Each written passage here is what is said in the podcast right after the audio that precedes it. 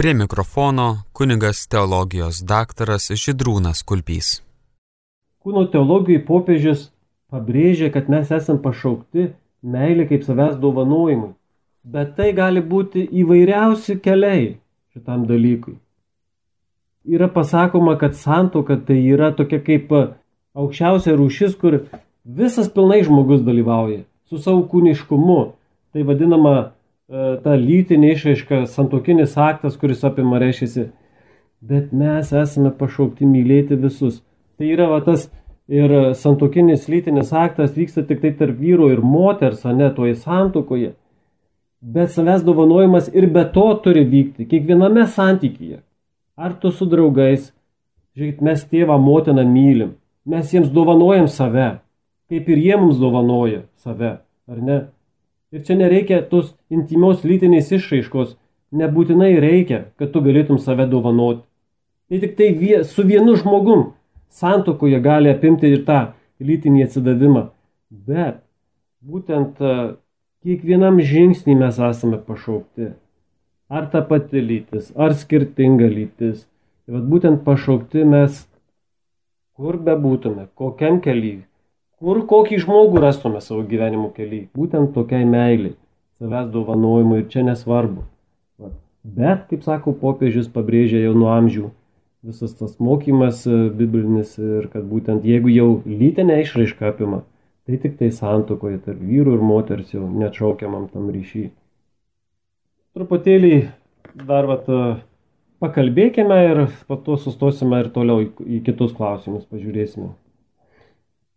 Taip, dabar žvelgsime į būtent į reiškiasi santoką, kaip būtent tą ypatingą kelią, kaip realizuoti vedybinę kūno prasme, jungtuvinę kūno prasme. Nu, Jonas Paulius II rašo, žmogaus asmo turi įgimtą ir struktūrinį visuomeninį matmenį, nes pačioje gelmėje yra pašauktas bendrai su kitais gyventi ir save kitiems dovanoti ir taip pat nurodo, kad būtent kur realizuojamas šis žmogaus pašaukimas bendrystė. Štai kai jis sako apie tą santuoką.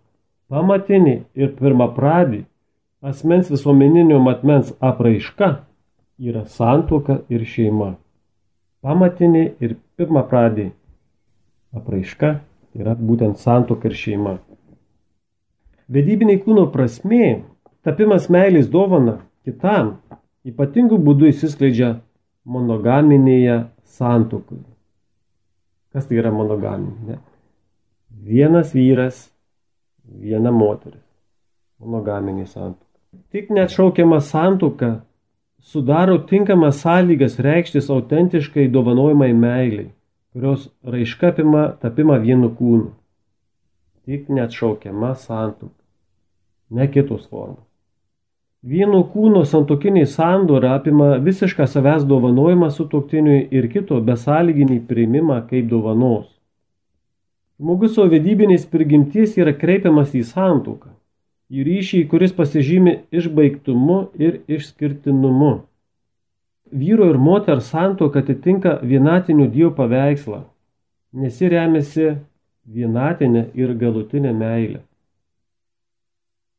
Toks santokinis vyru ir moters ryšys tampa Dievo santykių su žmogumi paveikslu, sakramentu.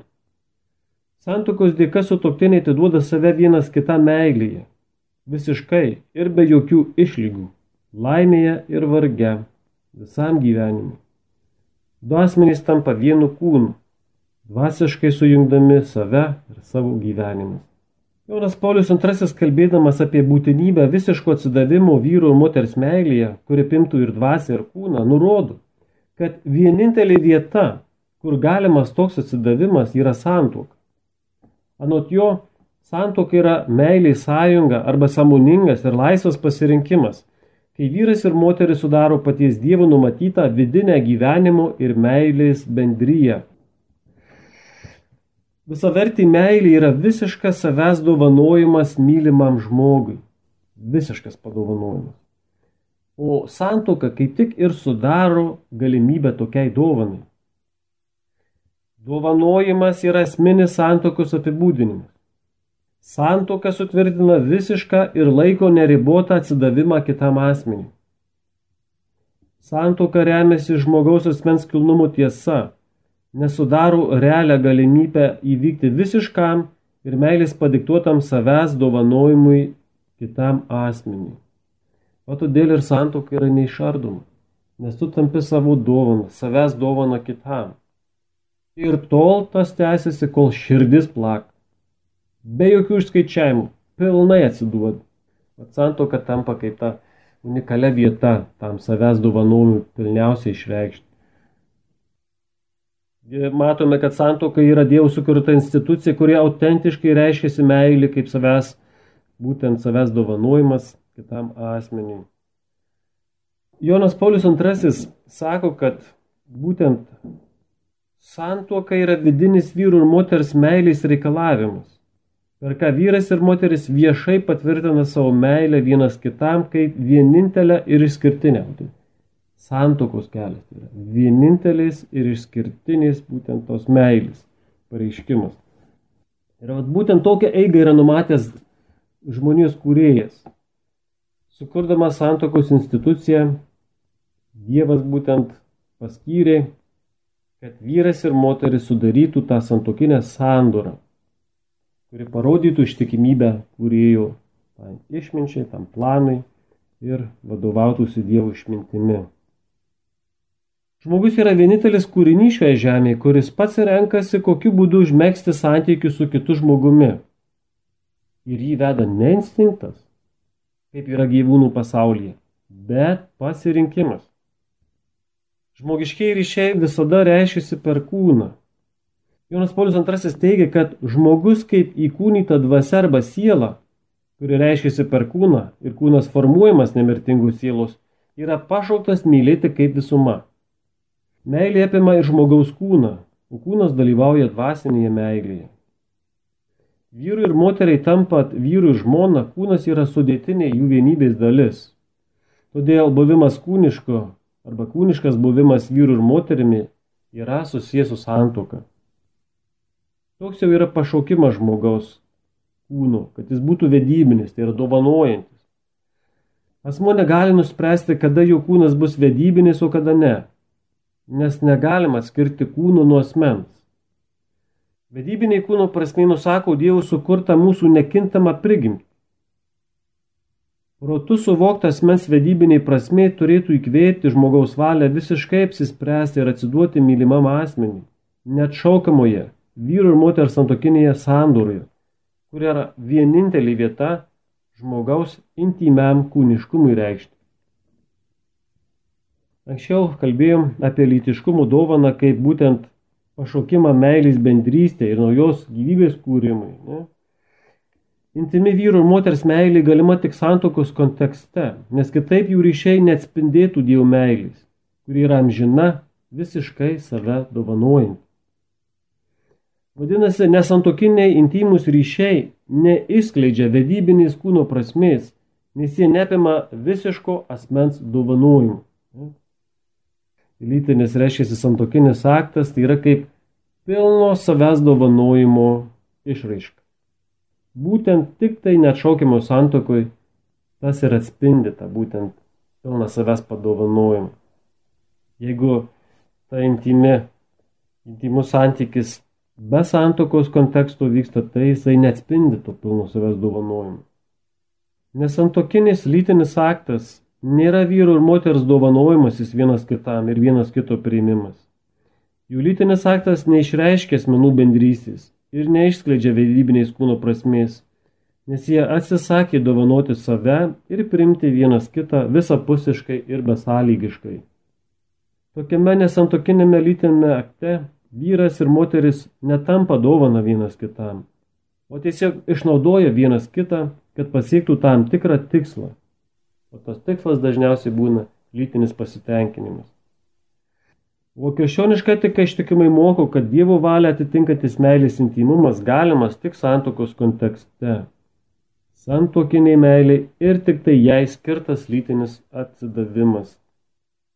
Šis nesikeičiantis bažnyčios mokymas, kad lytiniam aktui būtinai reikalinga santokinė aplinka ir apsauga, kalba apie tai, kad lytinį dovanojimąsi privalo lydėti dvasinis dovanojimasis. Vat mes kalbėjom, kad žmogus yra kūno ir dvasios, dvasinis sielos vienybė. Todėl tokį intimų kūnišką žmogaus veikimą visada turi vado, motivuoti dvasinis nusistatymas. O tai reiškia, kad lytinis atsidavimas turi būti amžinu, rimtu ir įsipareigojančio nusistatymo išraiška. O tai yra nekas kita kaip dvasinio pobūdžio dovanojimasis vienas kitam. Lytinė sueitis orientuota į gyvybės perdavimą yra fizinių lygmenių didžiausia santokinių meilės bendrysės išaiška. Ištraukta iš abipusių savęs dovanojimų, tikrovės, kuria krikščionis gyvena palaikomas bei praturtintas ypatingus Dievo malonys, ji praranda savo reikšmę, atidengia individuo egoizmą ir yra moralinė netvarka. Tad galima tvirtinti, kad tik nešardomoje santokoje yra įskleidžiama kūno vedybiniai prasmei. Nesutoktiniai tarsi liūdija vienas kitam. Aš visiškai tau save atiduodu. Viską, kas aš esu ir besąlygiškai. Nuoširdžiai, laisvai ir amžinai. Aš taip pat priimu tavo man duotą dovaną. Aš laiminu tave, patvirtinu tave, besąlygiškai visą koks tu esi ir amžinai. Jei lytinis aktas to neliūdyja, jis netitinka vedybiniais kūno prasmės, jis nėra meilės išraiška, tik pigi klastoti. Tai nesidarina su asmens orumu ir niekada nepatenkins širdies lūkesčių. Todėl santoka yra tikrasis meilės realizacijos kelias, nes joje glūdi tam tikra pilnatvė, kurioje yra visi asmens elementai kūno impulsai ir instinktai, jausmų jėga ir prisirišimas, valios ir dvasiniai polinkiai. Tai apibendrina Jonas Paulius II. Jonas Paulius II rašo, kad santokinis gyvenimas yra dovana ir santokiniai vienybė gali būti aiškinama tik atsižvelgiant į esmens ir dovanos vertybės. Santuoka ir iš jos gimusi šeima yra ta bendruomeninė terpė, kurioje žmogus gali egzistuoti dėl savęs paties, nesavanaudiškai save atiduodamas. Paulius VI popiežius rašo, dėl santokos ar ne, čia kalbama apie pilnutinę meilę, apie tą ypatingą asmeninę draugystę, kurioje vyras ir žmona kilne dvasiškai visą kuo dalyjasi, nesinaudoja neteisėtomis išimtimis ir neieško gerovės vien tik savo. Jei kas vyrą ar žmoną iš tikrųjų myli, tai myli ne tik už tai, ką iš jo ar jos gauna, bet vyras myli žmoną dėl jos pačios, o žmona vyrą dėl jo paties ir jie vienas kitam atsidavę, su džiaugsmu rūpinasi vienas kitą gausiau apdovanoti. Štai kūnas yra asmens dalis ir raiška, o asmenį charakterizuoja protas ir valia. Mes kalbėjom apie tai, ne? Tad pirmiausia, vyras ir moteris protu ir valia turi pasirinkti vienas kitą. Ir tik po to šis pasirinkimas gali būti intimiai kūniškai išreikštas. Kas sukuria santuoką? Tai yra santokiniai priesaikai. Ne? O priesaikai yra proto ir valios apsisprendimas už konkretų žmogų. Ne kaip priesaikui, reiškia, jis sako, aš Jonas imu tave unut konkrečiai. Meilė, o ne kūniškas ryšys yra santokos pagrindas. Meilė yra visą gyvenimą trunkantis pasirinkimas ir įsipareigojimas. Jonas Paulius II laiške šeimoms rašo, kad pradžios knyga kalbėdama apie vyrą, kuris palieka tėvą ir motiną ir glaudžiasi prie savo žmonos, rodo samoningą ir laisvą pasirinkimą, kuris duoda pradžią santoką. Vėl ir vėl pabrėžiu kad nejausmingumas turi mus kažkaip ar nerišti su kitum, bet pirmiausia, kas išreiškia tikrą žmogiškumą - protas ir valia. Mes turime pasirinkti tą žmogų, užtvirtinti tą pasirinkimą. Tas mūsų pasirinkimas turi būti protingas ir laisvas. Jei žmogus dar neapsisprendė ir galutinai nepasirinko kito žmogaus asmenų bendrystėje sudaryti, tada jis arba ji negali kūniškai išreikšti meilės, nes tam žmogus įgauna teisę tik valingai ir nešaukiamai apsisprendęs už kitos lyties asmenį. Aš kalbėjau su vienu vaikinu, tas jau gyvena kokius gal šešis metus susidėjęs. Vat, ir, ir sakau, kodėl nesusituokė su tuo žmogum. Tai sako, aš dar renkuosi. Aš dar renkuosi. Šešis metus renkasi. Tai sakau, nejaugi tu nemyli tos moters. Jau vaiką užgyvenė. Dar renkasi. Dar renkasi. O todėl ir popiežius pabrėžė, kad turime prieš tai apsispręsti ir tik po to galima tas intimumas. Štai kodėl galima suprasti, kad vyru ir moters lytiniai santykiai iki santokos yra bandymas kūnais išreikšti vienybę, kuri dar realiai neegzistuoja. Tik santoka sukuria tokią asmenų vienybę. Santoka yra viešas dalykas ir gėris. Todėl ir neatšaukiamas savęs dovanojimas turi būti atliktas viešai. Net priesaika prie kokio tenai klevų neužsiskaito.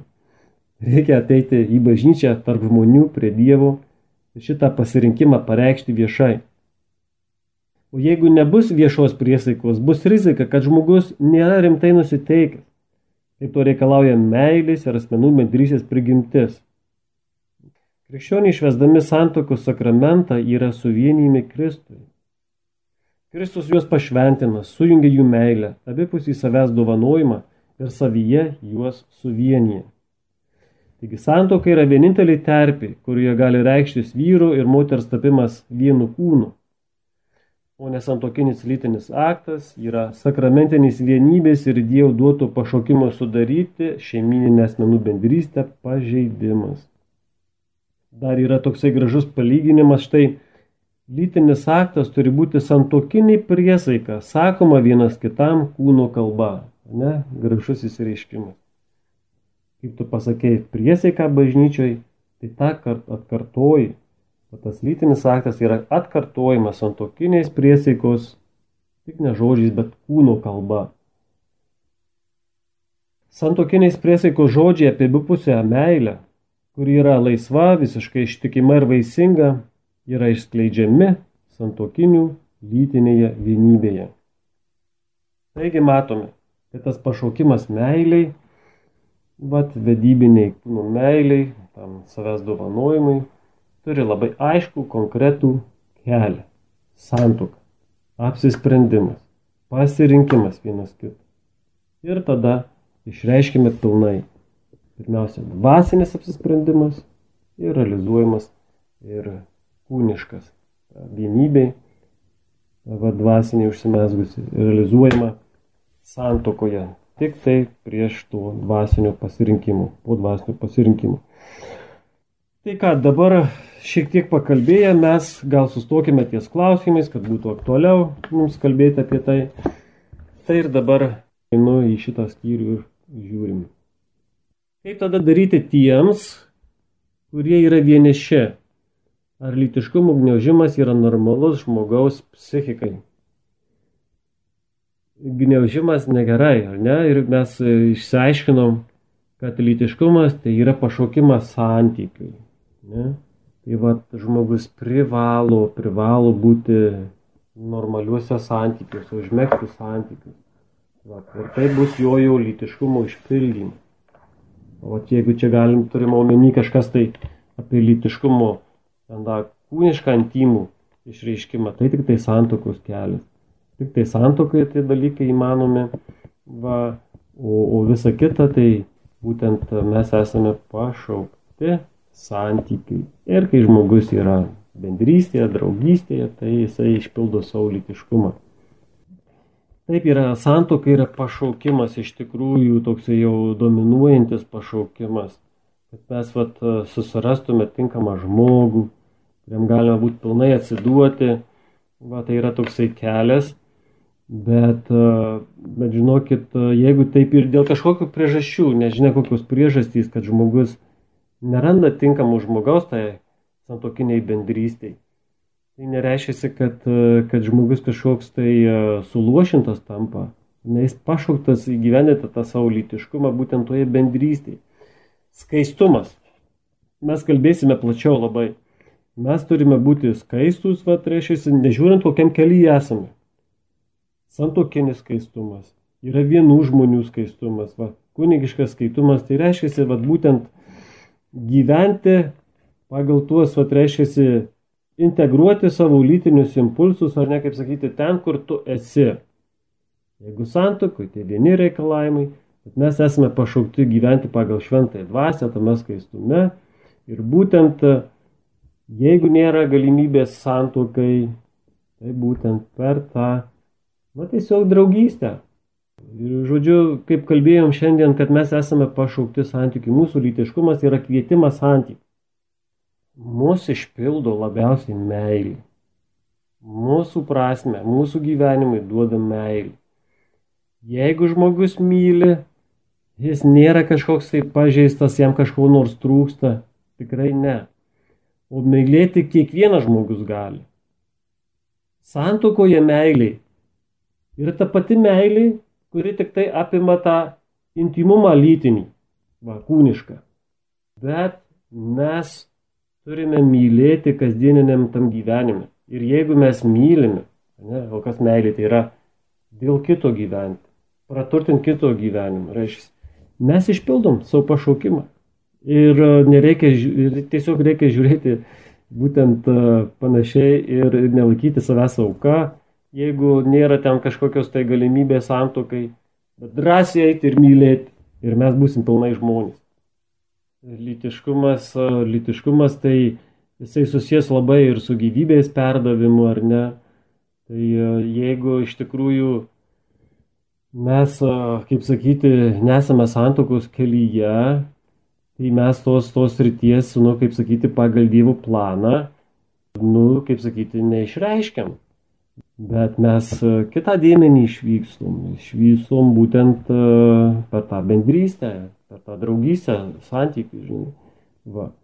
Tai toks yra Dievo kelias, taip reiškia lytiškumas ir, ir tada ilsisi, kaip sakyti, mūsų tas e, intimi raiška yra atidedama iki santokos, o jeigu, kaip sakyti, nėra tos santokos, jeigu toks, tokia Dievo valia, toks pašaukimas ar ne, mes gražiai mylime ir nieko mums netrūksta. Paprasčiausiai be lytinio to išpildymo, to, kaip sakyti, ne tai, kad išpildymo, bet raiškos intimios tos lytinės, lytinio santykių. Gyvūnas neturi sielos. Kaip pavadinti tai, kas daro gyvūną gyvą? Žmogus turi dvasinę sielą, gyvūnas to neturi. Dievas sukuria gyvybę, ar ne, aš ten taip tiksliai nepasakysiu, bet e, mūsų skirtumas nuo gyvūnų tai, kad mes bendraujame su Dievu mūsų gebėjimas dialoguoti su Dievu, tai yra, kad mūsų dvasinė siela yra. Ne, kažkas yra kalba, kad reiškia siela turi gyvūnai, bet jeigu galima taip sakyti, tai reikia išskirti būtent apie žmogų kalbant, kad turi dvasinę sielą. Dvasinė siela žmogus, kurios neturi gyvūnai, tai yra būtent panašumas į Dievą. Gal galima truputį išsameu apie skirtumą duoti ir priimti, bet neduoti ir gauti. Duoti ir priimti. Tu save dovanoji. Ne, vat kaip e, santokos priesaikoje, nu ypatingai tas, vat, kad tu save padovanoji ir tuo pačiu esi pašauktas priimti. O ką reiškia gauti ar ne? Gauti tai reiškia, kad tu kažkaip nusipelnai. Tu turi gauti, ar ne? kaip sakyti, tau skolingas kažkas. Ne? Ir tu turėjau teisę gauti. Taip nėra. Niekas mums nieko neskolingas, meilė yra laisva. Mes meilę duodame laisvai, be jokių įsipareigojimų, kaip sakyti, iš kitai pusiai. Ir mes tik tai galime priimti tą meilę, negauti, ne kažko tikėtis, ar ne, be jokių, kaip sakyti, skolos šešėlių. Mes priimame irgi priimame kaip laisvą dovaną iš kito. Jeigu žmogus norės mums save padovanoti, mes negalim išprivartauti meilės. Kaip tada, jeigu du asmenys dvasiškai pasirenka vienas kitą, santykiauja po santokos ir supranta, kad yra lytiškai, kūniškai nesuderinami. Nu, jeigu nesuderinami, tai reikia susiderinti, reikia padirbėti, reikia, nežinau, ieškoti kažkokios pagalbos. Va, aš neįsivaizduoju, ar tai yra sunkus dalykas ar ne, bet manau, kad čia vis tiek galima padaryti pažangą, nes vis tiek žmonės yra skirtingi, lytys skirtingos, kaip sakyti, bet Dievas taip sukūrė ir per tuos nesuderinamumus, tai yra kvietimas kalbėtis, aiškintis, derintis. Vat ir aš manau, kad galima pasiekti. Aišku, jeigu ten rimti dalykai būtų, tai, tai galbūt žmogus, matai, turi, kad sudarytų santuoką, turi atitikti tam tikras sąlygas. Pavyzdžiui, ten Jeigu ten kokie iškrypimai, ar ten kokia impotencija, ar dar ten kažkas, tai net ir santoka negaliojanti būti. Bet jeigu ten kokios smulkmenos, tai čia galima bandyti su, ten, su, su pagalba tos dalykus derinti ir nereikia nurašyti nieko, neskubėti rašyti, nurašyti. Kodėl Adomui neužteko santykių su Dievu, kuris taip pat yra asmuo? ar santykis su Dievu nėra tobula bendrystė, kuriai nereikia nieko daugiau. Taip šventoji Teresė Vilietė ypač pabrėžė, sakė, kas turi Dievą, tam nieko netrūksta. Vieno Dievo gana. Ne? Tai va, teisingai. Taigi, Dievas mus išpildo vien tik tai Dievas, niekas kitas. Ne? Vat, bet Dievas taip sukūrė, ar ne, va, tą visą to, visatą tokią žmogui paskyrė. Vat, ir ten Adomą ir Jėva sukūrė žmonės, vat, jo buvo tas kūrimo tikslas, vat, ir tą pasaulį žmogišką sukurti ir kaip modelį to savo tarybinio gyvenimo jisai sukūrė ir asmenys kitus. Tai vat, to kaip vieno Dievo gana, tai mes labai matome tame pašaukime vienuoliniam gyvenime, kunigiškam gyvenime. Ir Jėzos pavyzdyje, ar ne, kad jisai tenai neturėjo žmonos. Tai va, jam vieno Dievo gana, jam dangiškojo tėvo ryšio santykių, kurį mes matom, turėjo intensyvų. Tai va. Žodžiu, Dievo toksai planas, Dievas ir žmogus ir vyras ir moteris reikalingi vienas kito meiliai. O tas matyti tik tai tekstas parodo, pradžios knygos tekstas parodo, tai išryškina, bet iš tikrųjų tai dievų gana. Bet tai yra toks aukštas pilotažas, jau toks specialus pašaukimas yra. Ar yra įmanoma dabartiniais laikais kažkokiu būdu visgi patraukti, susimastyti, išaiškinti labai jauniems žmonėms, kad lytiškumas turi atsiskleisti tik santokoje. Beveik nepažįstu žmonių, kurie papasakotų, kad vaikai ar jie patys gyveno iki santokos skaičiai, nes tik du tikintys žmonės ir tik giliam tikėjime jie gali suprasti ir įvertinti. Tokių žmonių yra itin reta, o jaunimas vargiai supranta. Taip, labai aktualus, žinokit, klausimas, labai sudėtingas klausimas. Aš vat kaip dariau apklausą su žadėtiniu, kurie jau ruošiasi tuoktis katalikų bažnyčią, žinokit, radau, kad 97 procentai jau turėjo lytinių santykių su savo būsimu vyru žmona. Ir 3 procentai pareiškia, kad uh, skaičiai draugauja, ne? Labai sudėtingas dalykas, aš nesu matęs geresnios kalbos, kad ir jaunimui tinkančios nei kūno teologija. Kaip tą perduoti? Kodėl, reiškia, verta laukti, kokia prasmė tų dalykų, kad palikti šitos dalykus santokai. Kūno teologija, man atrodo, kiek aš esu čia susipažinęs, yra gražiausia, geriausia kalba Ir tą reikėtų skatinti, tai tą liūdyti, žinokit, tai labai labai sunkus dalykas, žinokit, jau. Tiek yra nepalanki aplinka, tai skaičiai meiliai. Visur, kur tik pažiūrėsi, visur yra tas seksualinis užkrovimas ir, žinai, ir tikrai jaunimas, jaunimas labai anksti įsitraukia šitos dalykus ir, ir labai čia yra didelė problema. Nu, čia didelis iššūkis, reikia labai daug melstis, Dievo pagalbos, atvirai kalbėti su jaunimu iš tikrųjų. Ir vis tiek, ir vis tiek situacijų būna, sudėtinga labai.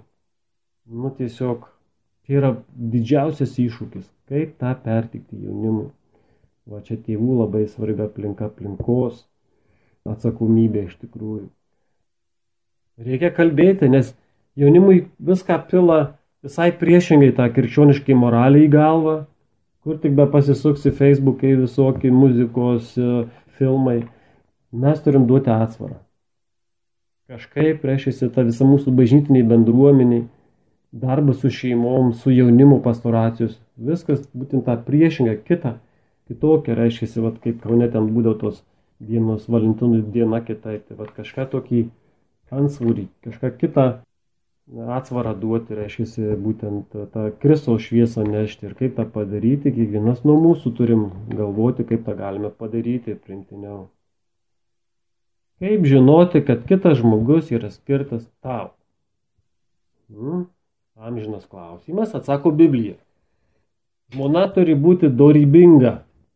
Vienas pamokslininkas sakė, nesvarbu kaip bjauriai atrodo, svarbu, kad būtų dorybinga. Dorybės.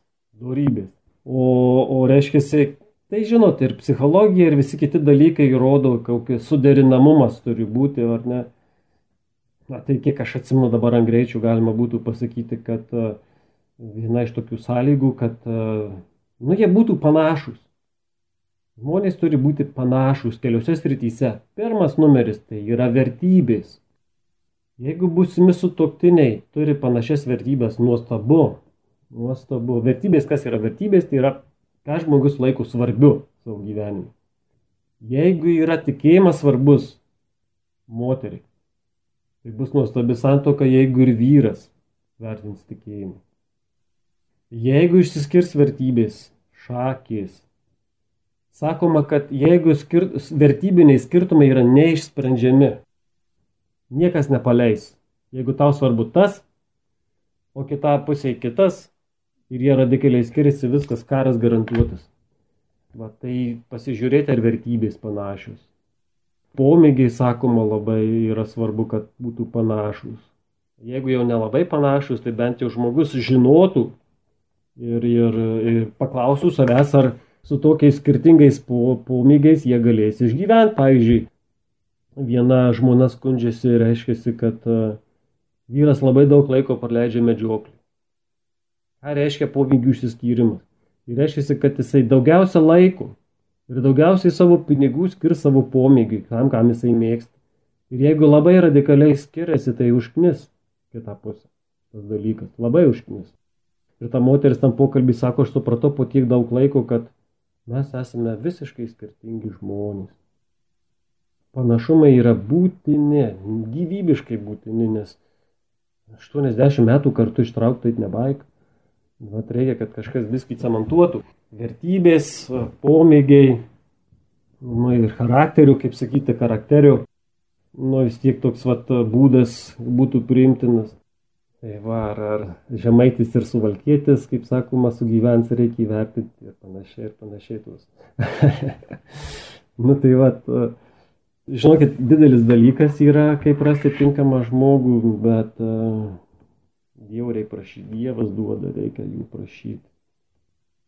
Tai e, pakalbėjom apie šitą sritį, kitą paskaitą mes irgi tęsime dar apie santoką truputėlį, tokį santokos sakramentališkumą, tokias savybės esminės paimsime.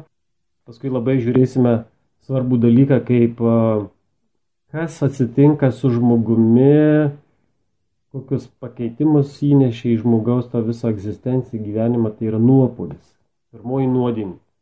Tėvų mūsų Adomo ir ne? Ir, ir kaip yra svarbu Kristus atpirkimas.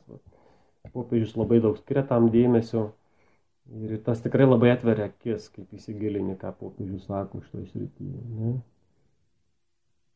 Matot, kalbos yra kalbos. Kalbos padeda, bet mažai. Reikia Dievo malonės, Dievo malonės patepimo. Atsimenu, mes su tokiu kunigu kalbėdavom dar čia daug metų atgal, man būdavo įstringa, kad jisai sako, žinai, žiūriu į tą šeimą, sako, aš tik vieną dalyką galiu pasakyti. Sako, laimingai šeimai reikalinga dievų pagalba. Be dievų pagalbos nieko neįmanoma. Jokios laimingos šeimos, jokios patvarios šeimos neįmanomos.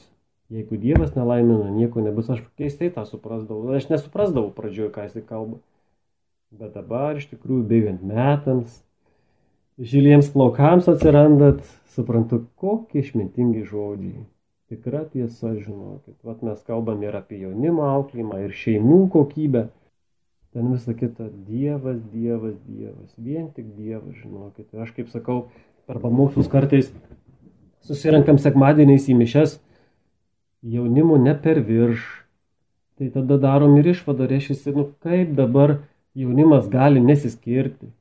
Kaip jie gali gražiai, kokybiškai sugyventi šeimoje, jeigu juos nėra čia, nėra pas Dievą neteina jie. Iš kur jie gaus stiprybę? Visus tuos sunkumus iššūkius atlaikyti. Ką žmogus sėja, tą ir pjauna. Jeigu neranda laiko Dievui, tai ir matome, kad čia ir skirybos, ir visi kiti dalykai. Tai ką, viešpat su jumis, te palaimina jūs visagalis Dievas, tėvas ir sūnus ir šventoji dvasia. Te lydi jūs viešpaties maloniai. Iki malonių susitikimų. Mėly Marijos radio klausytojai, prie mikrofono su jumis savo mintimis dalinosi Liudvinavo Šventojo Liudviko parapijos klebonas, kunigas teologijos daktaras Židrūnas Kulpys. Įrašas iš konferencijos Kūno teologijos tema ciklo. Tesinio kviečiame klausytis kitą savaitę tuo pačiu metu. Likite su Marijos radiju.